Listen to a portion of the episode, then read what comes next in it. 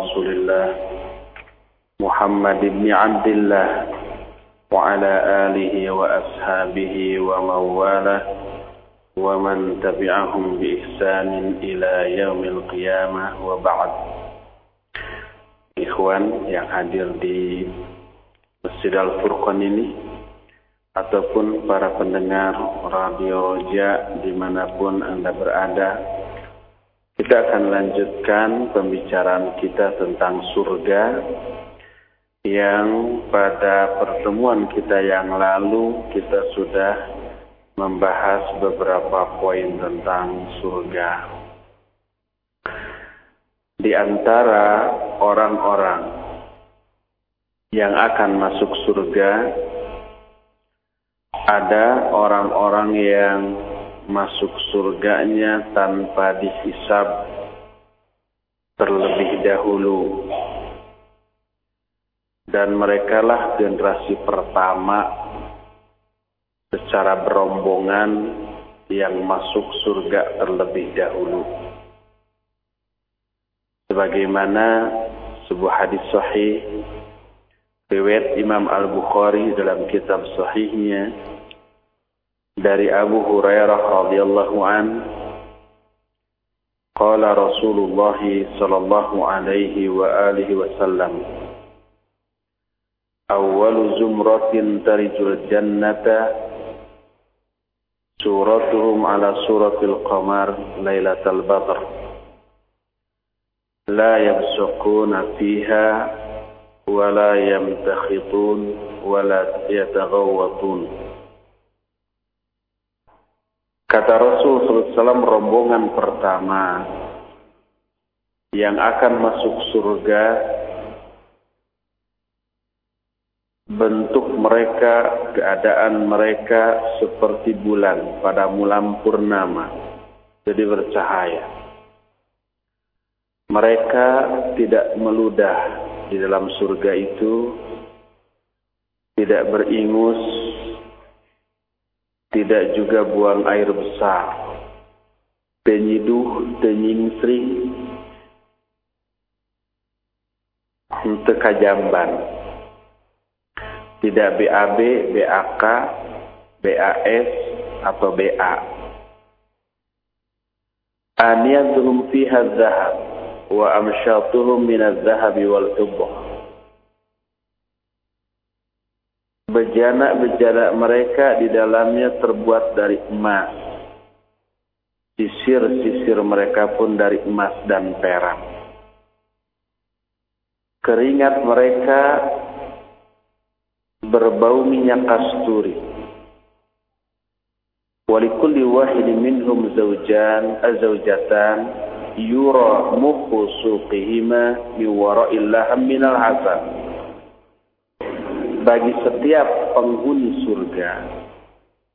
Bagi setiap satu penghuni surga akan diberi dua istri. Ta'adud di sana. Yuramu khusuqihima min wara'illah minal hasan yang sumsum -sum tulang mereka itu terlihat dari luar saking indahnya Bentuk tubuh para wanita surga itu seperti itu. La ikhtilafa bainahum wa la Tidak ada perselisihan di antara mereka dan tidak ada saling kebencian. Jadi para istri bidadari di surga walaupun di madu tidak ada saling benci, tidak ada perselisihan. Qulubuhun qalbu rajulin wahid hati-hati mereka seperti satu hati menyatu yusabbihuna Allah bukrata wa ashiya mereka bertasbih kepada Allah setiap pagi dan petang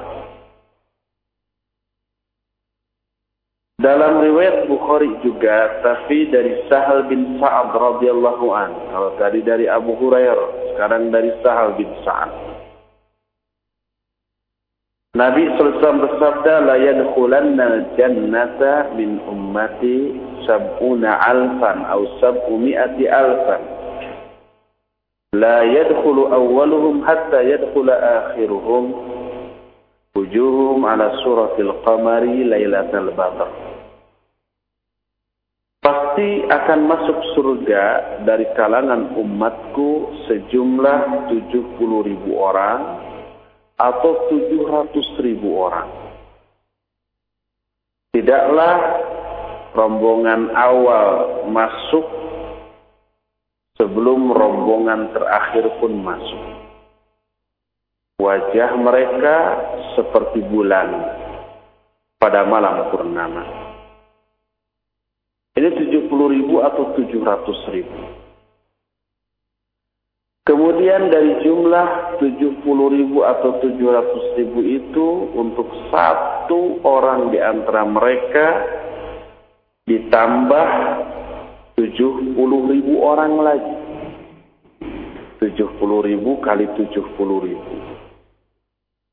7 kali 7, 49. 70 ribu nolnya 4. Kali 2, 8. 49 dengan 8, 0 berapa?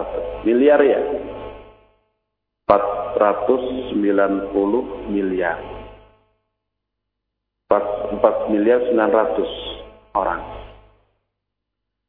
Sebagaimana dijelaskan dalam hadis yang terdapat dalam musnad Imam Ahmad dengan sanad yang sahih dari Abu Bakar radhiyallahu an bahwa Rasul SAW bersabda utitu sab'ina alfan min ummati yadkhuluna jannata bi ghairi hisab wujuhum kal qamari lailatal badr qulubuhum ala qalbi rajulin wahid rabbi azza wa jalla fazadani ma kulli wahidin sab'ina alfan Aku diberikan 70 ribu dari umatku yang akan masuk surga tanpa hisab. Wajah-wajah mereka seperti bulan pada malam purnama. Hati-hati mereka seperti satu hati. Lalu aku meminta tambahan kepada Allah Azza wa Jalla Lalu dia memberikan untukku dari setiap satu orang di antara mereka diberikan tujuh puluh ribu lagi. Hadis ini sahih bisa kita lihat dalam sahih Al-Jami'us Sahih. Dalam hadis lain dalam Musnad Ahmad dan Sunan At-Tirmidzi serta Sahih Ibnu Hibban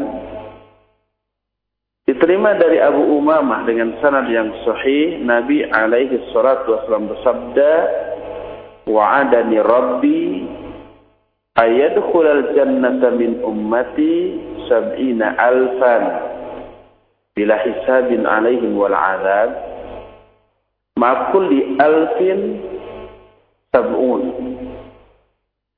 Rabbku yaitu Allah telah menjanjikan kepadaku bahwa akan masuk surga 70 ribu orang dari umatku tanpa dihisab, tanpa azab. Ini janji yang Allah berikan kepada Nabi Shallallahu Alaihi Wasallam. Timbul pertanyaan, apakah kita kira-kira termasuk nggak ke dalam golongan yang masuk surga tanpa hisab? Inginnya seperti itu ya.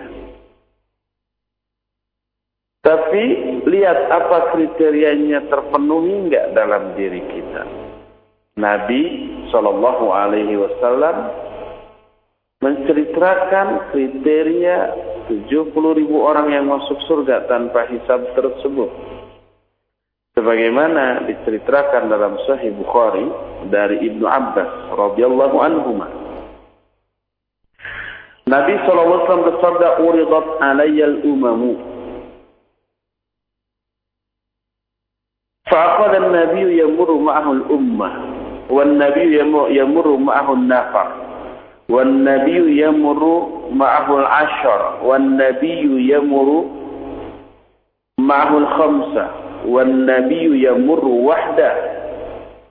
فنظرت فإذا سواد كثير.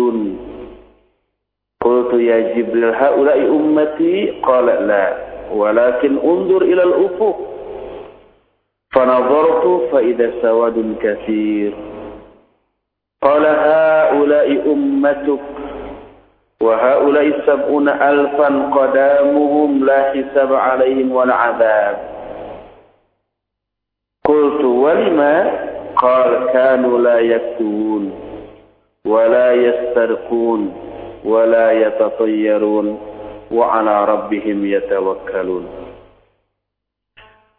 Kata Nabi SAW ditampakkan kepadaku umat-umat sebelumku. Umat-umat Nabi-Nabi terdahulu ditampakkan. Ini kelak pada hari kiamat. Ada Nabi yang disertai oleh sejumlah orang. Ada juga seorang Nabi yang hanya diikuti oleh satu nafar.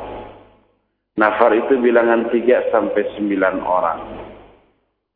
Ada lagi nabi yang diikuti hanya 10 orang.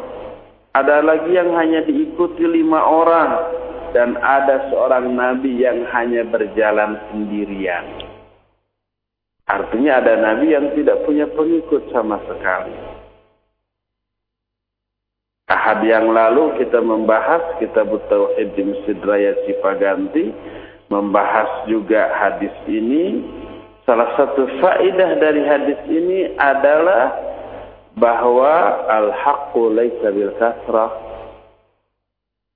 Kebenaran itu tidak dilihat dari banyaknya pengikut. Dalam hadis ini menjelaskan ada nabi yang tidak punya pengikut. Apakah nabi itu salah? Tentu saja tidak. Beliau orang satu-satunya yang benar pada zaman ini juga menunjukkan bahwa keberhasilan, kemenangan tidak dilihat dari jumlah pengikut. Apakah Nabi yang tidak punya pengikut itu gagal dalam dakwahnya? Tidak, tidak ada Nabi yang gagal dalam dakwah. Semua Nabi sukses. Semua Nabi berhasil. Termasuk Nabi yang tidak memiliki pengikut sama sekali. Tapi keberhasilan dilihat sejauh mana dakwah itu menyebar. Mau diikuti mau tidak. Oleh karena itulah kesuksesan seorang da'i tidak dilihat dari sebanyak apa pengikutnya.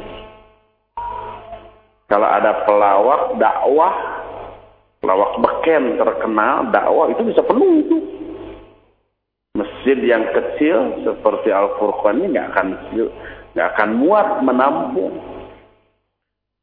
Orang-orang banyak bukan ingin mendengarkan dakwahnya, tapi lawakannya dalam dakwah yang dia lakukan ya. Jadi ada nabi yang sama sekali tidak punya pengikut. Tiba-tiba aku melihat ada serombongan besar umat. Aku bertanya, wahai Jibril, apakah mereka umatku? Kata malaikat Jibril tidak. Mereka umat Musa, Musa dan kaum. Tapi lihatlah ke ufuk. Tiba-tiba ada serombongan jauh lebih besar. Kata malaikat Jibril, mereka lah umatmu. Dan di depan rombongan mereka ada 70 ribu orang yang akan masuk surga tanpa hisab, tanpa azab. Kata Nabi SAW, aku bertanya, kenapa mereka bisa masuk surga tanpa hisab, tanpa adab? Dijawab, pertama, mereka tidak melakukan kei. Cara pengobatan di kei itu, cara pengobatan dengan ditempelkan besi panas pada titik tertentu dari tubuh kita dan itu merusak mereka juga tidak minta diruqyah. Dijampi-jampi ketika sakit. Dengan mengatakan tolong ruqyah saya. Meminta diruqyah tidak terlarang. Meruqyah orang juga tidak terlarang. Tapi kalau kita minta diruqyah berarti kita kehilangan kesempatan untuk bisa masuk ke dalam surga tanpa hisab. Walayatatayyarun mereka juga tidak tatayyur. Tatayyur berasal dari kata toir atau burung. Makna asal tatayyur adalah menimpakan kesialan pada burung. Kalau orang Arab jahiliyah dulu mau berangkat bisnis atau apa saja, begitu keluar dari rumah di atas rumahnya menclok seekor burung, oh ini pertanda sial. Akhirnya nggak jadi berangkatnya karena ada burung itu. Itu akan sial kalau terus berangkat. Membatalkanlah kepergian mereka dibatalkan. Itu takoyur menimpakan kesialan pada burung. Akhirnya berkembang setiap keyakinan, anggapan yang menganggap sial terhadap sesuatu itu juga tetap disebut takoyur. Seperti umpama menganggap sial ketika kita bertemu dengan orang cacat. Begitu keluar rumah mau berangkat ketemu dengan orang pincang umpamanya. Oh ini pertanda sial, nggak jadi berangkat, dibatalkan, di cancel. Atau menimpakan kesialan kepada suatu peristiwa yang buruk begitu. Keluar dari rumah mau berangkat tiba-tiba ada anak kecil gedebuk jatuh. Wah ini pertanda sial nggak jadi berangkat. Itu juga totoyur akhirnya setiap ramalan kesialan karena apa pun disebut totoyur nggak boleh kita meramal baik meramal setelah melihat sebuah peristiwa atau kejadian atau melihat umpamanya ada seekor burung atau mendengar suara burung tertentu atau ramalan apa saja baik datang ke dukun atau kalau zaman kiwari tidak datang ke dukun cukup pakai HP dengan cara ketik reg spasi ramal kirim ke anu tidak boleh haram. Jadi karakter atau sifat ketiga orang yang akan masuk surga tanpa hisab tidak meramal, tidak tatayur, tidak menimpakan kesialan kepada apa pun. Wa ala rabbihim yatawakkalun dan mereka tawakal kepada Allah. Ini empat kriteria. Kalau mau masuk surga tanpa hisab, pertahankan batin. Pertama tidak dikei, yang kedua tidak minta diruqyah, yang ketiganya tidak tatayur dan yang keempatnya tawakal kepada Allah Subhanahu wa taala. Setelah itu berdirilah seorang sahabat namanya Ukasha. Lalu dia berkata, Ya Rasulullah, ud'ullaha ayyaj'alani minhum. Wahai Rasulullah, doakan aku agar aku masuk ke dalam 70 ribu orang yang masuk surga tanpa hisab itu. Oleh Nabi didoakan Allahumma ja'alhu minhum. Ya Allah jadikan Ukasa salah seorang di antara mereka. Berdiri lagi seseorang ya Rasulullah doakan agar aku pun aku pun masuk ke dalam kelompok mereka. Kata Nabi sabaqaka bika Ukasha oh kamu sudah keduluan sama Ukasha. Siapa lagikah mereka? Mereka para ulama menyatakan adalah orang-orang yang diserangkan dalam Al-Quran surah Al-Waqi'ah. Ayat yang ke-10 sampai ayat yang ke-12. Was-sabiqun as-sabiqun ulaika al-muqarrabun fi jannatin na'im.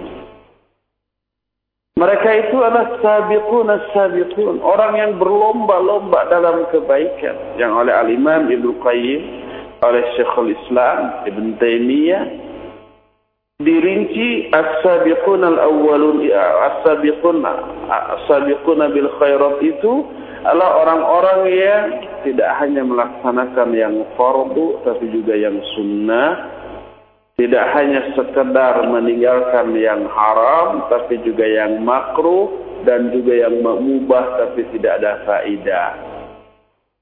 Aktivitas mereka jangankan yang haram yang makruh yang mubah pun tidak ada. Semuanya imma yang wajib, imma yang sunnah. Itulah sabiqun bil khairat. Itulah as-sabiqun as-sabiqun. Ulaikal muqarrabun. Mereka lah orang-orang yang dekat dengan Allah.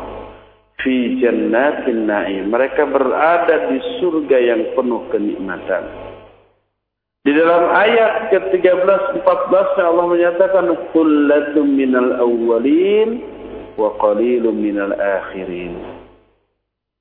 Mereka sedikit di generasi awal, sedikit juga ah kullatum minal awwalin mereka itu banyak di generasi awal, kullatum minal qalilum minal akhirin, tapi sedikit di generasi akhir. Di generasi awal di zaman sahabat banyak Padahal jumlah sahabat saat itu tidak sampai 70 ribu. Banyak di kalangan mereka. Adapun generasi akhir generasi kita sedikit. Wa qalilu minal akhir. Itu as-sabiqun al-awwalun, as-sabiqun as-sabiqun, sullatu minal awwalin wa qalilu minal akhirin. Banyak di generasi awal, tapi sedikit di generasi akhir. Kalau ashabul yamin, sullatu minal awwalin, wa sullatu minal akhirin. Nah, kalau ashabul yamin ini di generasi awal banyak, generasi akhir juga banyak. Inilah 70 ribu orang yang akan masuk surga tanpa hisab dan dari 70 ribu itu ditambah setiap orang masing-masing 70 ribu lagi. Itu tentang surga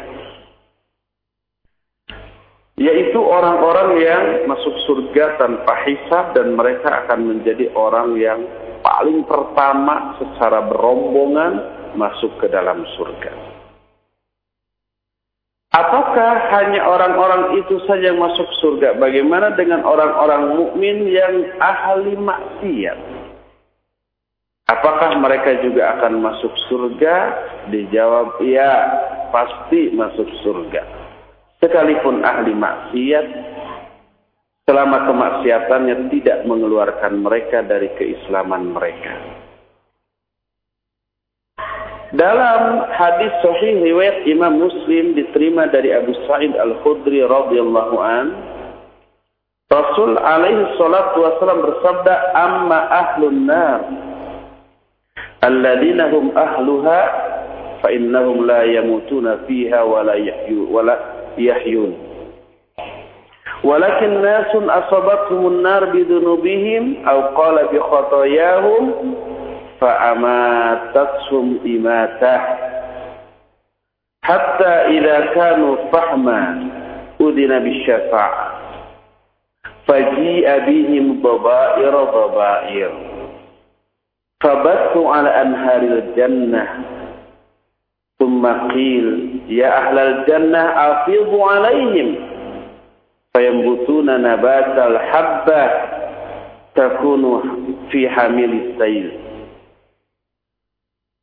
Adapun ahli neraka yang memang akan kekal di dalam neraka seperti orang-orang kafir, orang-orang musyrik, orang-orang di luar Islam mereka di dalam neraka tidak mati tapi juga tidak hidup. La yamutuna fiha wala ya, la yamutu fiha wala yahya. Mereka tidak mati, tidak hidup. Tapi orang-orang muslim yang terkena api neraka karena dosa-dosa mereka atau karena kesalahan-kesalahan mereka mereka mengalami kematian di dalam neraka. Sehingga apabila mereka itu sudah gosong, diizinkan mereka untuk diberi syafaat. Lalu mereka didatangkan berombongan-rombongan. Lalu mereka pun tumbuh di atas sungai surga. Kemudian dikatakan, Hai ahli surga, luaskan untuk mereka, beri tempat mereka. Lalu mereka tumbuh lagi seperti biasa, seperti tumbuhnya sebuah benih yang ditanam di pinggir sebuah aliran-aliran air. Jadi gampang tumbuhnya itu begitu cepat. Ini orang mukmin ahli maksiat yang kemudian masuk dulu ke dalam neraka sampai gosong dan mati di dalam neraka lalu diambil dan dimasukkan ke dalam sungai di surga lalu tumbuh lagi hidup lagi seperti biasa hadis itu sahih riwayat Imam Muslim dalam kitab sahih dalam hadis lain masih dalam riwayat Imam Muslim dari Jabir bin Abdullah secara marfu Rasul SAW bersabda inna qauman yakhrujuna minan nar yahtariquna fiha illa darat wujuhuhum hatta yadkhuluna al-jannah. Ada satu kaum yang keluar dari api neraka. Mereka sudah terbakar dulu dalam neraka kecuali yang tersisa hanyalah wajah-wajah mereka sampai kemudian mereka masuk ke dalam surga. Mereka lah orang-orang yang kemudian oleh para ahli surga disebut dengan sebutan jahannamiyin. Mantan-mantan jahannam. Sebagaimana dijelaskan dalam hadis sahih riwayat Imam Bukhari dari Imran bin Husain radhiyallahu anhuma Nabi SAW bersabda yakhruju qaumun minan nar. Bi syafaati Muhammadin sallallahu alaihi wasallam fadkhulunal jannata yusammunal jahannamiyin akan keluar satu kaum dari neraka karena syafaat Nabi Muhammad sallallahu alaihi wasallam. Kemudian mereka masuk surga. Lalu mereka diberi sebutan dengan sebutan al-jahannamiyin. Mantan-mantan jahannam. Jadi orang-orang mukmin yang ahli maksiat mereka itu akan masuk surga juga akan tetapi sebelumnya mereka harus merasakan dulu panasnya azab neraka. Apakah seluruh orang mukmin yang ahli maksiat yang pasti akan masuk neraka terlebih dahulu? Tidak. Kalau demikian hampir semua orang mukmin masuk neraka dulu atau ya. Karena setiap orang mukmin pasti pasti pasti suatu saat pernah melakukan dosa. Jangankan orang selevel kita yang banyak kekurangan, banyak kelemahan, banyak kesalahan. Orang selevel Abu Bakar As-Siddiq radhiyallahu an sebagai manusia terhebat imannya seluruh dunia sepanjang zaman setelah Nabi Muhammad SAW Abu Bakar pun merasa dirinya banyak dosa seorang sahabat namanya Hamdalah bertemu Abu Bakar ini diceritakan dalam Sahih Bukhari kata Abu Bakar kaifa asbahta ya Hamdalah bagaimana keadaanmu pagi ini wahai Hamdalah. Hamdalah menjawab, nafaqal Hamdalah. Oh, Hamdalah sudah munafik. Itu kata Hamdalah. Kata Abu Bakar, subhanallah. Bagaimana itu bisa terjadi? Kata Hamdalah, apabila saya berada di samping Rasul SAW, beliau memberikan peringatan tentang surga dan neraka. Seolah-olah surga dan neraka itu ada di pelupuk mata. Air mata ini bisa jatuh berurai karena takutnya ke dalam neraka. Iman ini memuncak. Tapi ketika kami meninggalkan majlis Rasul Sallallahu Alaihi Wasallam kembali bersendagolo dengan anak istri dan kehidupan dunia, saya lalai lagi. Makanya Hamdalah sudah munafik. Kata kata Hamdalah begitu. Apa kata Abu Bakar? Demi Allah aku pun demikian. Abu Bakar ngaku. Kayak kita ya, kalau kita ngaji seperti ini di tengah ikhwan-ikhwan mengkaji ilmu, uh, seolah-olah hati itu begitu damai, tentram, sejuk, teduh, iman ini memuncak kuat, beres ngaji sholat berjamaah, terasa begitu dekat dengan Allah subhanahu wa ta'ala.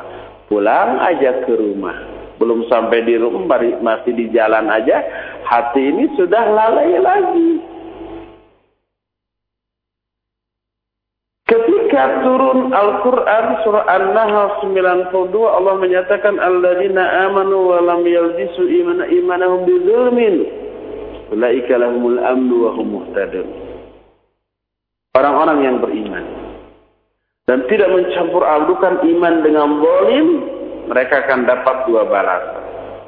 Pertama, ulaika lahumul amnu, mereka akan peroleh keamanan, aman dari azab Allah, enggak akan diazab Kedua wahum muhtadun mereka diberi hidayah.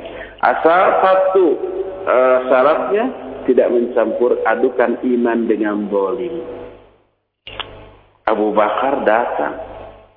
Salah paham terhadap ayat ini. Para sahabat semuanya merasa berat dengan turunnya ayat ini. Pertama karena salah paham. Disangkanya kedoliman di sini dosa biasa, dolim biasa. Jadi kalau orang punya iman tapi berbuat dosa, nggak akan dapat dua ini. Nggak akan aman dari azab Allah, nggak akan dapat hidayah. Artinya kalau nggak aman dari azab Allah akan memperoleh azab kan gitu kan? Logikanya seperti itu. Abu Bakar menyatakan, Ya Rasulullah, ayyuna lam yadlim nafsa, ayyuna lam ya'mal su'an. Wahai Rasulullah, Siapa sih di antara kita yang tidak pernah berbuat zalim? Siapa sih di antara kita yang tidak pernah berbuat dosa atau kesalahan? Apa kata Nabi SAW? Laisal amru kama Ayat ini maknanya tidaklah seperti yang kalian duga. Tidak seperti yang kalian pahami. Dari riwayat ini kita tahu, nah Abu Bakar dan para sahabat merasa dirinya banyak dosa banyak kesalahan. Kan gitu ya. Lalu apakah mereka semua akan ke neraka terlebih dahulu karena dosa-dosanya? Dijawab tidak. Coba lihat kita pernah dulu mengkaji kitab Muhtasar Ma'arijul Qabul. Ketika membahas tabaqatu usatil mu'minin atau tabaqatu usati ahli tauhid fil akhirah atau yaumil qiyamah beberapa tingkatan atau golongan ahlu tauhid yang melakukan kemaksiatan. Di sana dijelaskan bahwa ahlul ma'asi min ahlil qiblah, ahli maksiat dari kalangan kaum muslimin itu terbagi kepada tiga golongan. Golongan pertama orang yang kebaikan-kebaikannya lebih berat, lebih banyak daripada kemaksiatannya. Kebaikan ada, maksiat ada, lalu ditimbang tapi kebaikannya jauh lebih berat. Karena Allah dia dengan ayat fa'amma man saqulat mawazinu fahuwa fi radiyah. Adapun orang yang kebaikannya, pahalanya lebih berat, Daripada kejelekannya, daripada dosanya, dia akan berada dalam kehidupan yang diridhoi. Dia masuk surga langsung, nggak akan neraka dulu. Walaupun banyak dosa, tapi dosanya terhapus, tertutupi oleh kebaikannya yang jauh lebih banyak.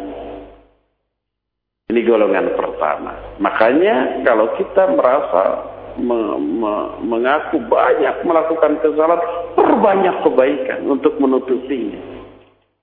Karena Allah berfirman, Innal hasanati yudhibna sayyi'at. Kebaikan-kebaikan itu bisa menghapus kesalahan dosa. Kata Nabi sallallahu alaihi wasallam, "Atbi sayyi'atal hasanah tamhuha." Ikutilah kejelekan itu dengan kebaikan, maka kebaikan itu akan menghapus dosa kejelekan tadi. Ini golongan pertama, ahli maksiat di kalangan kaum muslimin. Golongan kedua, kaum tasawat hasanatuhum sayiatihim. Golongan kedua, ahli maksiat yang sama seimbang antara pahala dan dosanya. Mereka ini plus plus. Dosanya habis, pahalanya habis. Pahalanya dipakai untuk melunasi, membayar, menutupi dosa-dosanya. Dosanya tidak tersisa, pahalanya juga tidak tersisa. Ini yang disebut plus plus ya. Plus itu plus kadi. Mereka tidak ke surga, tidak ke neraka secara langsung. Tapi mereka berada dulu di sebuah tempat antara surga dan neraka yang disebut dengan Al-A'raf. Lihat surah Al-A'raf ayat 35, ayat 45 sampai 47. Wa 'alal a'rafi rijalun. Di atas Al-A'raf, di atas bukit itu ada beberapa orang yang kalian mengenal mereka dengan ciri-cirinya ketika mereka melihat ke kanan ke surga mereka mengatakan salamun alaikum lam yadkhuluha wa hum yatimun kata mereka keselamatan atas kalian hai ahli surga mereka belum memasukinya padahal mereka sangat ingin sampai di akhir ayat itu dikatakan udkhulul jannata La khaufun alaikum wa la antum tahzanun. Masuklah kalian ke dalam surga. Tidak ada ketakutan atas kalian dan kalian pun tidak berduka cita. Jadi akhirnya ashabul a'raf ini pun masuk surga jika langsung tanpa ke neraka dulu. Karena mereka tidak memiliki dosa. Walaupun tidak memiliki lagi kebaikan karena sudah lunas gitu kan. Plus plus tadi. Tapi akhirnya ke surga juga. Walaupun tidak langsung, mereka berdiam dulu di atas Al-A'raf. Karena itulah disebut surah Al-A'raf karena ada ayat itu alal a'rafi rijalun. Ketiga, nah ini ahli maksiat yang dosanya jauh lebih besar daripada kebaikannya. Kebaikannya dipakai menutupi kesalahannya sampai habis tapi kesalahannya tidak tertutupi semuanya. Masih banyak yang tersisa. Ini dulu yang masuk ke dalam neraka. Sampai gosong tadi. Sampai mati tadi. Walaupun pada akhirnya setelah dosanya lunas oleh siksanya, dia diangkat dari neraka dan dimasukkan ke dalam surga. Oleh karena itu, maka ada di kalangan kaum muslimin yang berdosa besar yang masuk dulu ke dalam neraka sebelum mereka dimasukkan ke dalam surga. Nah nanti ada beberapa rombongan siapakah orang yang paling akhir di kalangan kaum muslimin yang keluar dari neraka dan dimasukkan ke dalam surga dan bagaimana bagian kenikmatan yang Allah berikan di surga bagi orang itu insya Allah nanti akan kita lanjutkan di hari Jumat yang akan datang. Sekarang ini cukup sampai di sini kita manfaatkan untuk tanya jawab dan kita prioritaskan kepada para pendengar radio Roja terlebih dahulu. Silakan akhir nah, Taib. Taib jazakallah heran. Dan e, berikut kami angkat dari penelpon yang pertama Ustaz untuk e, di 8236543. Halo. Halo. Iya, dengan siapa Ibu? Dengan Umu Nazif. Di mana? di Depok. Silakan Umu Naji. Nah. Assalamualaikum Ustaz.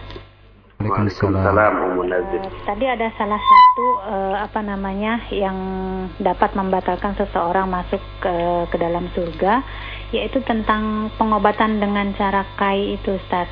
Iya. Uh, bagaimana dengan metode sunat yang sekarang hmm. ini uh, lebih lebih banyak dilakukan itu dengan menggunakan laser gitu. Iya. Ataupun ada juga pengobatan kulit eh, seperti jerawat gitu ya.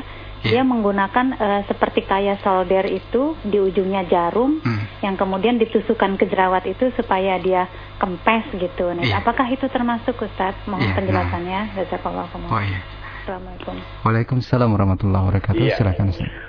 Najis di Depok ya bertanya ada kesalahpahaman yang perlu diluruskan kata Ummu Nazif ada satu amalan yang bisa menghalangi orang masuk surga yaitu kei saya katakan tadi bukan menghalangi masuk surga tapi kalau itu dilakukan menyebabkan tidak akan bisa masuk surga tanpa hisab mungkin masuk surga tapi dihisab terlebih dahulu. Hmm. Ya. Apakah hisabnya itu mudah atau susah tergantung amalan dia dalam aspek yang lain di luar kei tadi. Nah jadi apakah kei ini dibolehkan atau tidak itu sama dengan rukyah tadi. Di rukyah boleh. Minta di rukyah tidak dosa. Merukyah juga boleh. Dan itu tidak menyebabkan kita terhalang untuk masuk surga atau otomatis masuk neraka. Tidak. Tapi kalau kita minta dirukyah, menyebabkan kita tidak akan masuk ke dalam salah satu di antara 70 ribu orang yang masuk surga tanpa hisab. Tapi mungkin masuk surga tapi di hisab dulu.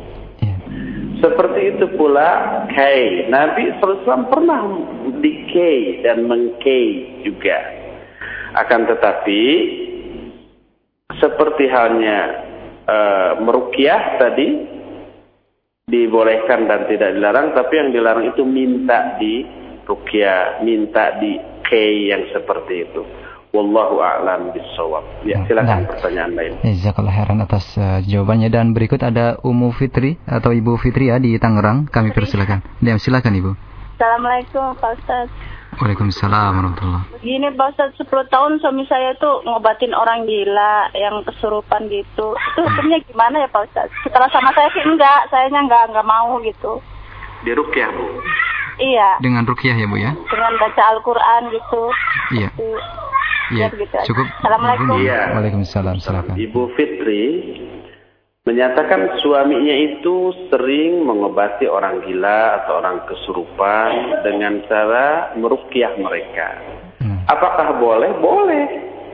Tadi sudah dikatakan rukyah bukanlah hal yang terlarang. Boleh. Para sahabat melakukan rukyah. Nabi SAW juga melakukan rukyah dan boleh apabila ada orang lain meminta kita untuk merukyah dan kita mampu rukyahlah bahkan kata Syekhul Islam Ibn Taimiyah rahimahullah apabila ada di hadapan kita orang yang diganggu jin umpamanya ya dan tidak ada orang lain yang bisa menyembuhkannya merukyahnya kecuali kita wajib kita merukyahnya karena itu memberikan pertolongan kepada orang yang sedang membutuhkannya sama aja kalau ada orang dipukuli oleh orang jahat. Orang lain nggak ada yang berani kecuali kita karena kita jagoan umpamanya ya. Maka wajib kita menolongnya. Tidak boleh kita membiarkan orang lemah itu dipukuli orang oleh orang jahat. Kita tolong, kita bantu agar proses kezaliman itu tidak terus berlanjut. Seperti itu pula kalau ada orang yang umpamanya dia zalimi oleh jin, oleh ahli sihir, dan orang lain tidak ada yang bisa menolongnya, membantu atau merukyahnya kecuali kita dan kita memang punya kemampuan untuk itu, maka wajib hukumnya sama dengan menolong orang yang didolimi oleh manusia lainnya. Atau bukan hanya manusia, oleh makhluk lainnya umpamanya ada orang gitu ya anak-anak atau wanita kemudian mau digigit anjing umpamanya ya. Dia teriak-teriak cerit-cerit ada kita di sana wajib kita tolong kita tendang umpamanya.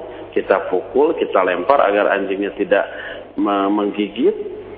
Jadi baik oleh binatang oleh orang oleh jin kalau kezaliman itu berlaku di hadapan kita dan kita bisa membantunya maka bantulah. Oleh karena itu suami dari Ibu Fitri tadi tidak apa-apa merukyah orang yang memang membutuhkan dan itu tidak terlarang hmm. dan itu tidak termasuk ke dalam salah uh, larangan hadis tadi karena kita tidak minta dirukyah tapi kita yang merukyah. Hmm. Cuma jangan sampai merukyah ini menjadi profesi yang dikomersialkan dengan membuka klinik rukyah yang datang bayar sekian atau tidak ditentukan seridonya. Tapi kalau umpama yang bayarnya kecil ataupun nggak bayar, nanti pas datang lagi nggak dilayani umpamanya. Itu bukan seridonya, wajib sesuai dengan keridoan si perukiah umpamanya ya. Seperti itu. Ya. Wallahu a'lam. Satu lagi pertanyaan. Baik, satu lagi Ustaz ya dari Ibu Nita dan pendengar uh, satu lagi dari uh, Abu Akila di Bekasi. Ustaz mengenai 70 ribu orang, ada sebagian yang tidak uh, yang masuk surga tanpa hisab. Ada Ustaz yang menyatakan bahwa kuota dari 70 ribu orang yang masuk surga tanpa hisab itu sudah habis ya, di zaman ini dan saat ini umat-umat uh, saat ini akan uh, pasti dihisab di hari akhirat nanti. Dan uh, tambahan bahwasanya ada penjelasan bahwa 70 ribu orang yang masuk surga tanpa hisab ini akan membawa satu orang 70 ribu lagi. Yang dimaksud 70 ribu yang kedua ini siapa Ustaz? Keluarganya ataukah siapa Ustaz? Nah demikian jazakallah khairan. Iya, Abu Aquila dan Ibu Anita tadi, nah. Ibu Nita.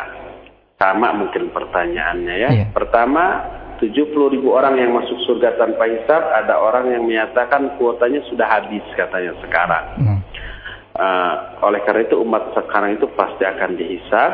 Yang kedua, tambahan untuk satu masing-masing satu orang jadi 70 ribu orang ini apakah keluarganya atau gimana ya? Pertama, tadi dijelaskan bahwa para ulama menyatakan yang dimaksud dengan rombongan 70 ribu orang yang masuk surga itu adalah yang dimaksud dalam as-sabiqun as-sabiqun ulaikal muqarrabun fi jannatin na'im. Terus sullatu minal awwalin wa qalilu minal akhirin.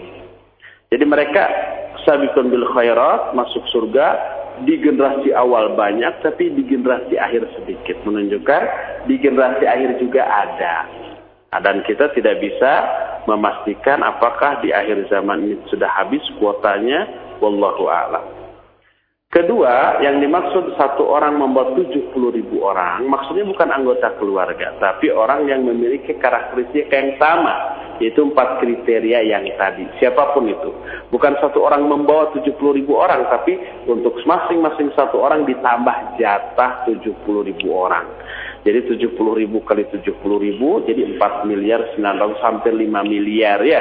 Semoga kita semua yang mendengarkan termasuk ke dalam 70 ribu yang uh, 4 miliar 900 yang masuk surga tanpa hisab hmm. tadi ya. Hmm. Insya Allah kita jumpa lagi pada Jumat yang akan datang dan insya Allah on time ya Jumat yang akan datang. Wassalamualaikum warahmatullahi wabarakatuh.